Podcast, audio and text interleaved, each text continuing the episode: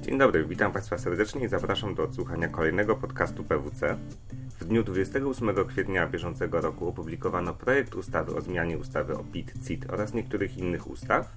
O tym, co to oznacza dla podatników, opowiedzą Państwu Agata Oktawiec, dyrektor w dziale doradztwa podatkowego PWC.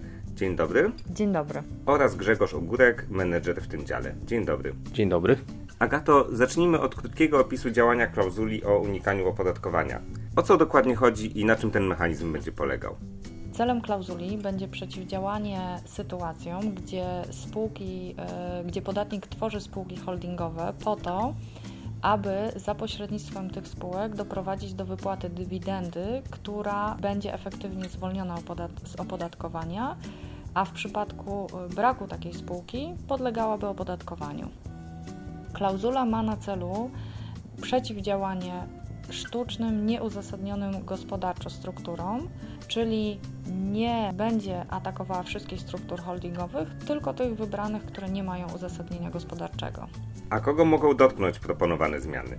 Myślę, że tak naprawdę wszelkie grupy, czy wszelkie, wszyscy przedsiębiorcy, którzy posiadają spółki holdingowe, powinni zadać sobie pytanie, czy struktura, która znajduje się e, w ich grupie, czy spółki, które znajdują się w ich grupie, mają uzasadnienie biznesowe i wykonują określone funkcje gospodarcze. Przepisy są e, sformułowane tak szeroko, że dają bardzo duże podstawy, dają podstawę arbitralnego oszacowania, tak, czy określenia, że, czy dana spółka ma charakter sztuczny, czy nie. Więc z tej perspektywy myślę, że tak naprawdę te przepisy dotyczą każdego przedsiębiorcy w Polsce, który ma e, spółkę pełniącą rolę spółki holdingowej. I na koniec te, tej części powiedz, co firmy powinny zrobić, by przygotować się na te zmiany? Przede wszystkim przedsiębiorcy powinni sobie odpowiedzieć na pytanie, po co w ich strukturze funkcjonuje spółka holdingowa, jakie były przesłanki jej utworzenia i dlaczego z perspektywy biznesowej i jako powód biznesowy rozumiem tutaj zarówno kwestie prawne, podatkowe, jak i organizacyjne, dlaczego taki podmiot w ramach struktury ma funkcjonować. Jeżeli po tak zadanych pytaniach otrzymamy odpowiedź pozytywną, czyli że ta spółka jest potrzebna i spełnia swój cel gospodarczy, wówczas myślę, że przedsiębiorcy mogą spać spokojnie. Grzegorz, pomówmy teraz o drugiej istotnej propozycji, czyli opodatkowaniu oszczędności osób fizycznych. Jaki tutaj zadziała mechanizm?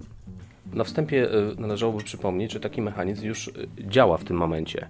To znaczy, polski rezydent podatkowy uzyskujący dochody z odsetek za, poza granicami Polski, ale w, w ramach Unii Europejskiej, informacje o takim dochodzie są już aut, automatycznie przekazywane do polskiego fiskusa. Zmiana przepisów ma na celu wyeliminowanie pewnej praktyki polegającej na nieujawnianiu dochodów z odsetek uzyskanych przez polskich rezydentów podatkowych mm, za granicą w ramach Unii Europejskiej, a w szczególności to, co się zmieni, to zmieni się definicja właściciela odsetek.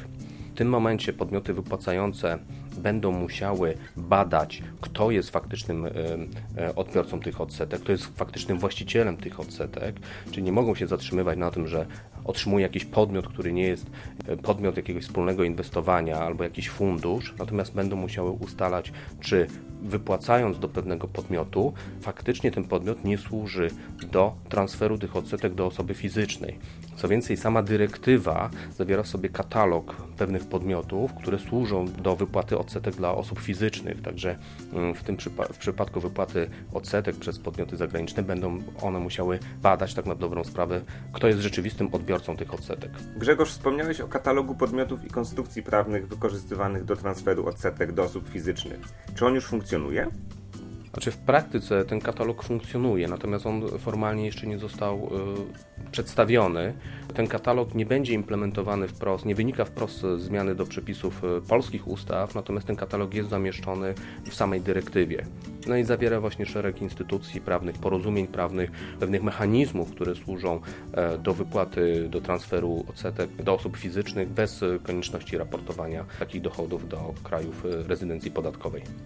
A czy zmieni się sama definicja odsetek? Definicja ta zostanie poszerzona o inne kategorie wypłat, na przykład o pochodne instrumenty finansowe. Również pewną nowością jest wprowadzenie e, konieczności raportowania dochodów z umów ubezpieczenia na życie, które obejmują gwarancję zysku e, równoważnego mniej więcej e, odsetką.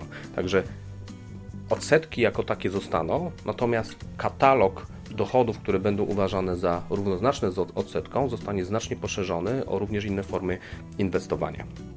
A od kiedy te zmiany zaczną obowiązywać, no i kiedy podatnicy powinni zacząć reagować? Te zmiany będą obowiązywały od 1 stycznia 2016 roku, czyli zostało już nam niecały rok na wprowadzenie tych y, przepisów. Będą dotyczyły dochodów uzyskanych od 1 stycznia 2016 roku. Konkludując, powiedz jeszcze, czy to koniec planów zmian w tym obszarze? Ta historia ma jeszcze ciąg, ciąg dalszy, dlatego że równolegle są wprowadzane pewne przepisy dotyczące automatycznej wymiany informacji. W zasadzie od 1 stycznia 2015 roku Polska powinna wprowadzić również automatyczny system wymiany informacji dotyczących dochodów z pracy, z kontraktów menedżerskich, dochodów z mm, członkostwa w zarządzie, jak i z, z emerytur i rent. Polska na dzień dzisiejszy tego nie zrobiła, natomiast no, należy się spodziewać, że w przeciągu 2015 roku takie przepisy zostaną wprowadzone.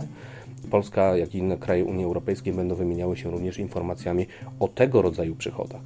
Co więcej, należy się spodziewać, że w zakresie roku, dwóch lat do 2017 roku y, Unia implementuje prawdopodobnie również pewne regulacje wypracowane przez OECD w zakresie automatycznej wymiany informacji, która dotyczy wszystkich dochodów kapitałowych, czyli dywidend i dochodów ze sprzedaży akcji, instrumentów pochodnych finansowych, czyli to bardzo szeroki e, katalog dochodów.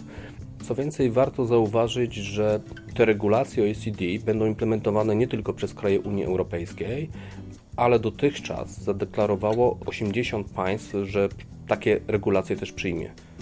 Czyli nie tylko kraje Unii Europejskiej, ale też kraje po, po, spoza, spoza Unii będą y, stosowały te regulacje dotyczące automatycznej wymiany informacji.